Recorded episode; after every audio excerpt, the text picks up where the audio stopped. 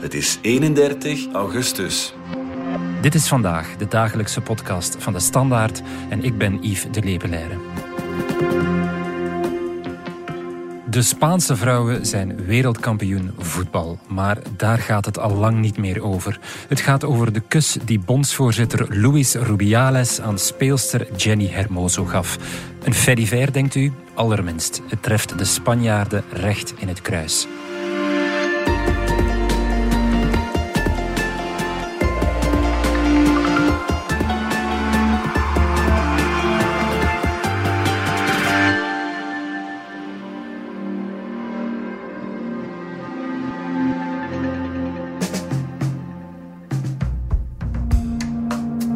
Corrie Hanke, correspondent voor onze krant in Berlijn. Meestal bellen we jou over Duitsland of over Oekraïne, waar je het voorbije jaar trouwens ook nog bent geweest.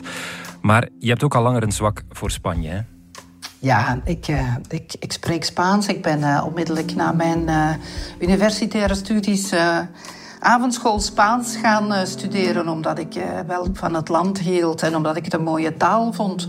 Dus ik ben daar als toerist vaak gegaan en ik ben een tijdje voor de krant geregeld naar Spanje gegaan toen de hele Catalaanse kwestie daar een groot probleem was. Toen Puigdemont naar België was uh, gevlucht. En nu onlangs ben ik ook weer uh, kort even in Spanje geweest om, uh, om, om de verkiezingen te verslaan en waar reportages daarover te maken. Ja. Dus ik volg altijd wel met een half oog de Spaanse kranten. Ja. En heb je al veel last gehad van Spaanse macho's? Vooral Latijns-Amerikanen eigenlijk in, in Latijns-Amerika, in Spanje. Ja, bedoel, het is natuurlijk wel wennen. Hè. Ze gaan op een andere manier met je om dan pakweg uh, tijdens een vakantie in Scandinavië. Dat, dat is wel zo. Ze betuttelen je een beetje, ze, ze menen het goed met je, ze pakken de zware dingen uit handen. En ik ben nogal iemand die van aanpakken weet. En, enfin, ik ben wel een buitenlandse, dus dat aanvaarden ze dan wel. Maar je voelt wel dat ze dan uh, vaak toch. Ik kom vaak in een dorp dat de mannen daar dan wel zo uit hun comfortzone een beetje geduwd worden door mijn franke mond, zal ik maar zeggen. Ja, want over uh, Spaanse machos, daarover moeten we het uh, hebben. Hè. En daarvoor moeten we eerst tien dagen teruggaan in de tijd. Wereldkampioenschap voetbal bij de vrouwen. Spanje wint de finale met 1-0. Y le va a pasar Carmona, viene para Olga, se mete al área, va Olga, zurda, goal! Maar daar ging het twee uurtjes over en toen ging het over iets helemaal anders. Ja, het ging alweer over een man. Hè. Dat is eigenlijk het erge. Hè. De vrouwen die zetten een topprestatie neer, worden wereldkampioen.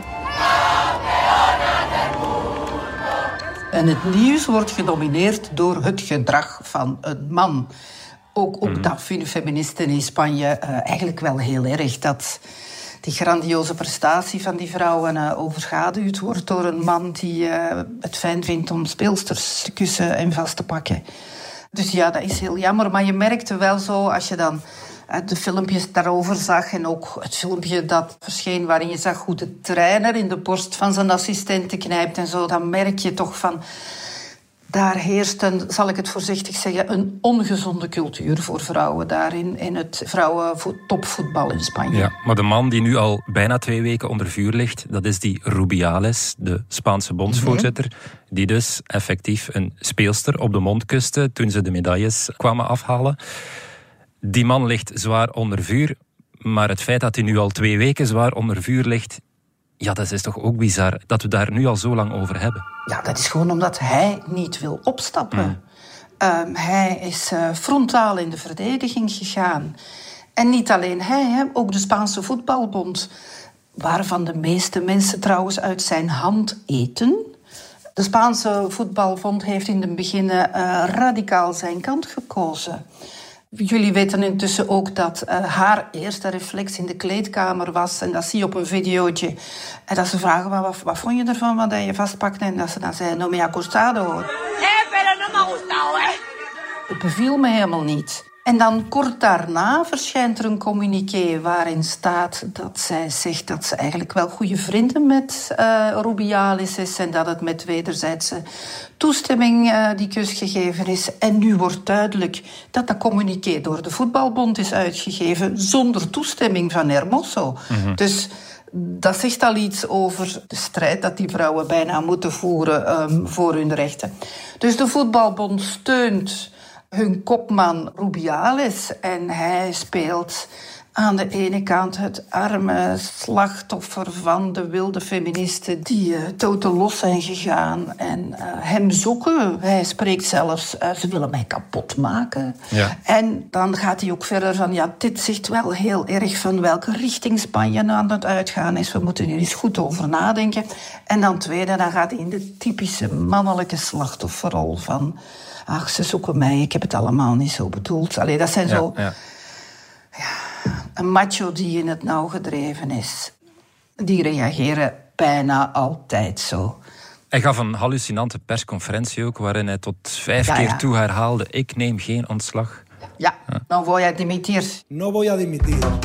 No voy a dimitir. No voy a dimitir. No voy a dimitir. No voy a dimitir. Ik blijf zitten. En hij kon, dat is ook nog zoiets, hij kon op applaus uit de zaal rekenen. En ook daar heb je nu, de Spaanse kranten zijn daarin gedoken. En hebben ontdekt dat eh, alle mensen die op de eerste rij zitten, of de meesten die op de eerste rij zitten, die kregen de verplichting om daar te gaan zitten. En de verplichting om te applaudisseren als hij sprak. De voetbalbond wil aangeven dat ze hem blijven steunen. Dan maakt dat dat conflict maar blijft etteren. Mocht hij de avond zelf deemoedig gezegd hebben: Ik heb een fout gemaakt, ik heb het verkeerd ingeschat. Dan was de zaak van de baan geweest. Maar het is omdat hij de hakken in het zand zet. En de feministische beweging en de regering aan de, nu zegt van ja, maar dit gaan wij niet toelaten. Dit is ons Spanje niet meer. Zegt aan de andere kant dat het zo aan het escaleren is en dat het blijft etteren. Onze collega Niels de Keukelaar die trok in Valencia de straat op en hij vroeg er aan enkele Spanjaarden wat zij van de hele affaire vinden. Uh, this guy uh, represents all the worst things from this country. Uh, he maybe thinks that he's above everything, above the law, above the ethics, about everything, and of course about the women. It's terrible to see in uh, television. This man is the top one of football here in Spain. You are an example for everyone. So this is really, really, really bad. First of all, it's important respect, and we think that Rubiales, like, is not respectful with girls and And maybe if it was a boy, like he said it was because of enjoyment, but if it was a, if it was a boy, maybe he wouldn't have done that. it's bad for the people that it's watching TV or something because a lot of kids or something when they watch TV is not good for them to see this type of attitudes. he had like a, this press conference and I thought he was gonna like regret and apologize and he never did that. He thinks he's being a victim, but that's not the case. I don't think so. Well, he was overstepping his boundaries. He somehow jumped his own pool of shit, we can say.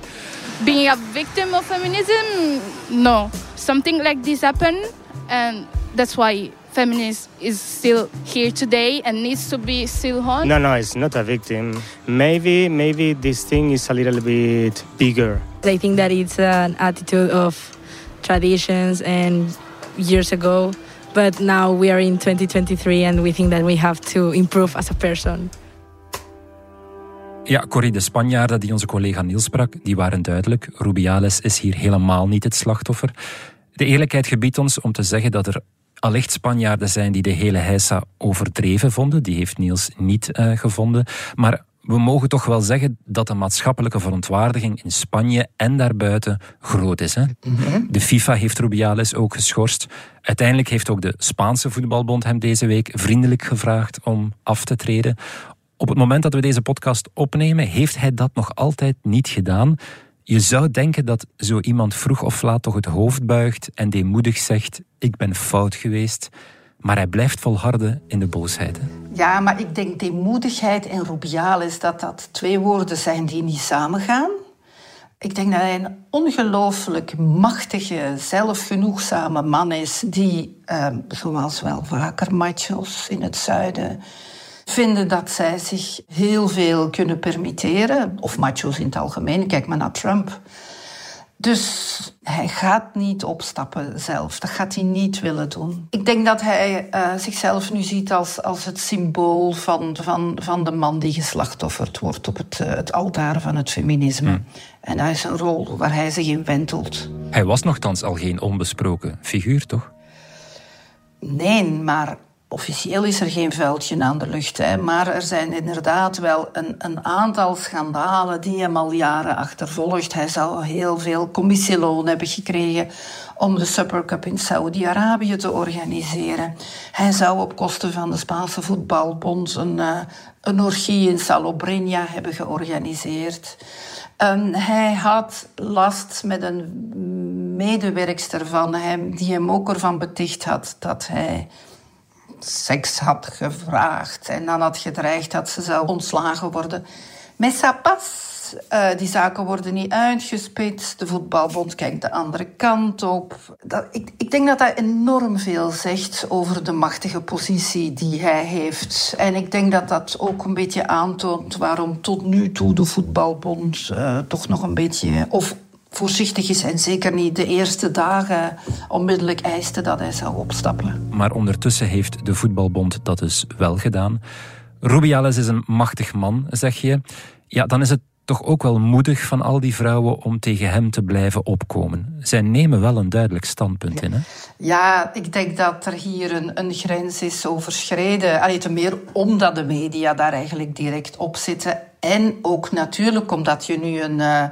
Een linkse regering met uh, sterke ministers hebt die uh, gelijkheid hoog in haar vaandel had geschreven. Mm -hmm. En Yolanda Díaz, de minister van Arbeid en, en de vicepremier van Spanje, die heeft die zaak direct naar zich toegetrokken. Heeft heel snel een persconferentie gegeven, heeft heel snel gezegd: we moeten dit uitzoeken. Dit is onaanvaardbaar, dit is Spanje onwaardig. Dit is het slechtste van het machismo dat we als ons land nu tonen. Dus de politiek, dat wil zeggen de huidige regering, heeft dat ook wel vastgepakt, een beetje nu als symbooldossiers. Dus die vrouwen, ja, ik heb enorm veel bewondering voor die vrouwen, want die, die hebben er nu wel mee gedreigd dat ze niet meer willen spelen, wat toch niet niks is, denk ik, als je ondertussen zo ver bent geraakt. Maar die worden nu wel gedragen symbolisch door de regering en natuurlijk steeds meer vrouwen mm. die zich blauw ergeren aan het, uh, het gedrag van Rubiales. Mm. Er zijn nu geregeld s'avonds betogingen in Spaanse steden van vrouwen die op straat komen om te tonen wij staan aan jullie kant. Straks gaan we daar nog op door, Corrie, maar eerst even een korte boodschap. De Standaard heeft een nagelnieuwe podcast-app. In onze vernieuwde app DS Podcast vind je al ons werk van Cultuurpodcast Radar en bits en atomen over wetenschap en technologie tot reeksen zoals Lacroix Ik was gangster.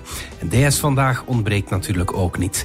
Weet je niet meer wat te beluisteren, dan vind je er ook onze beste luistertips met werk van andere makers. Download de app DS Podcast nu voor de beste luisterervaring.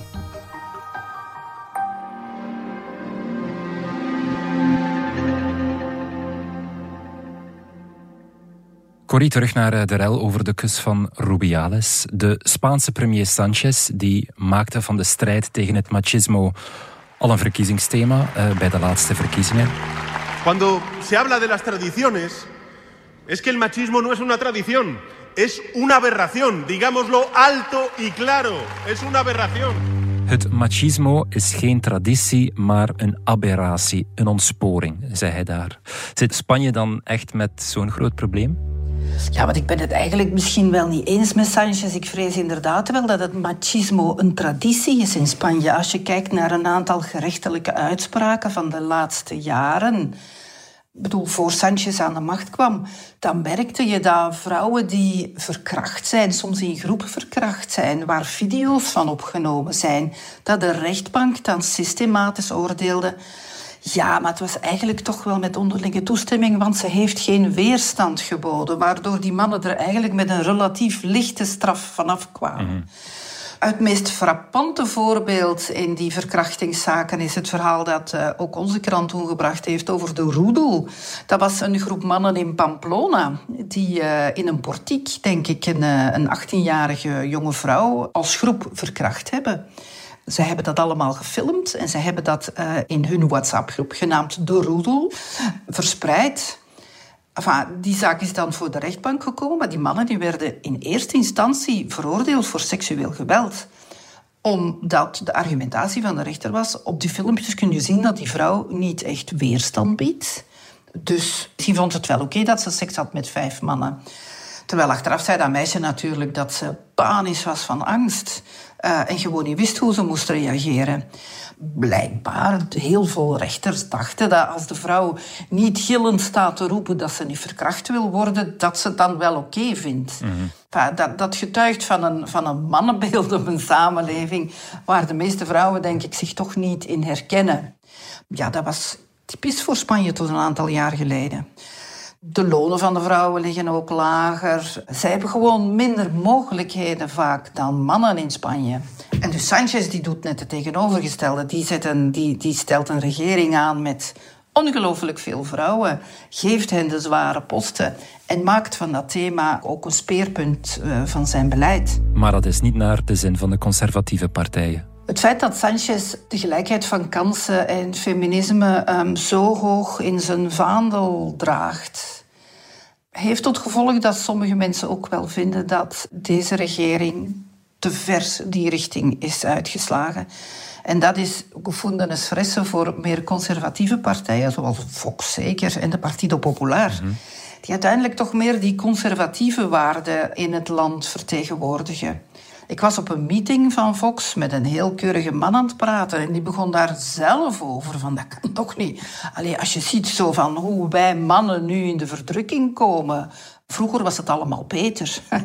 en um, zeker Fox, met, een, met zijn heel masculine leider uh, Santiago Abascal, die uh, op jacht gaat, uh, stierengevechten verdedigt. Dat is een uitgesproken verdediger van de mannelijke waarden. En de Partido Popular, die toch op regionaal niveau nu samenwerkt met Fox en misschien hoopt in de toekomst samen met Fox een coalitie te vormen of met Fox steun te kunnen reageren ja, die houdt zich nu toch ook eigenlijk wel op de vlakte. Zijn partij heeft Rubiales wel veroordeeld. Dat wil zeggen de woordvoerder in een perscommuniqué.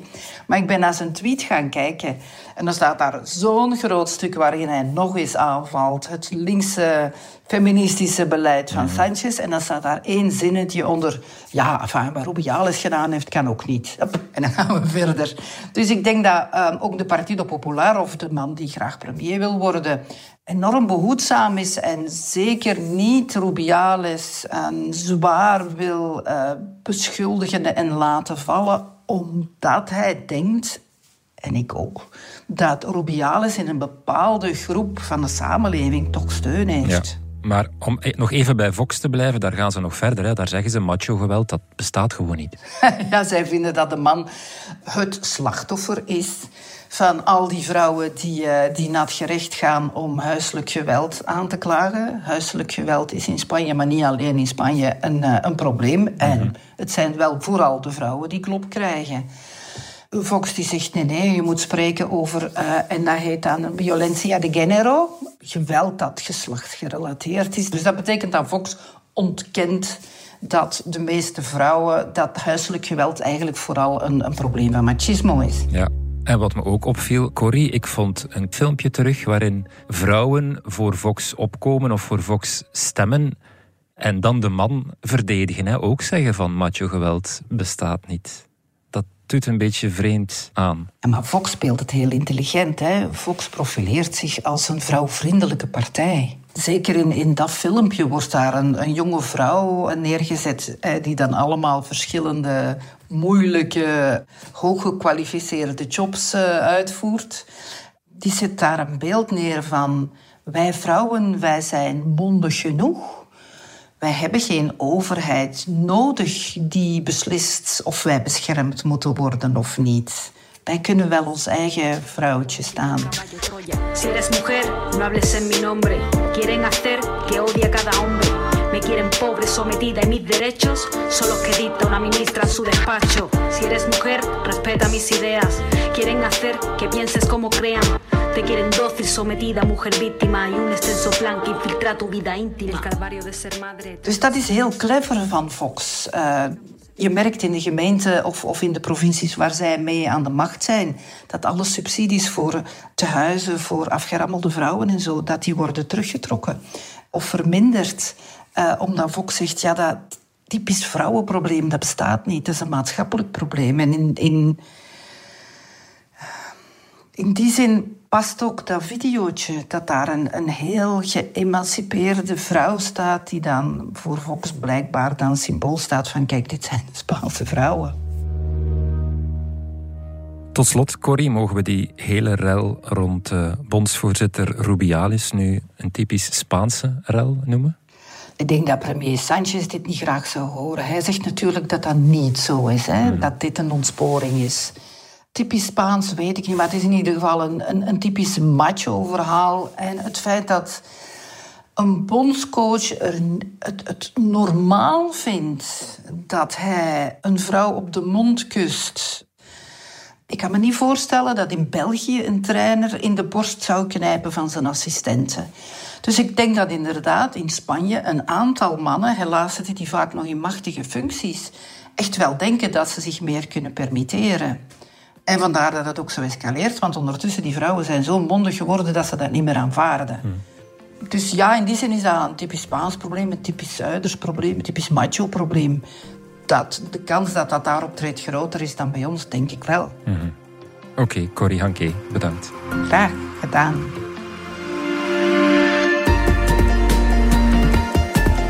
Dit was vandaag de dagelijkse podcast van De Standaard. Bedankt voor het luisteren. Volg ons op Spotify, Apple Podcast of eender welk ander podcastplatform. In onze gratis FDS podcast kan je niet alleen ons werk beluisteren, maar ook de beste podcasttips terugvinden.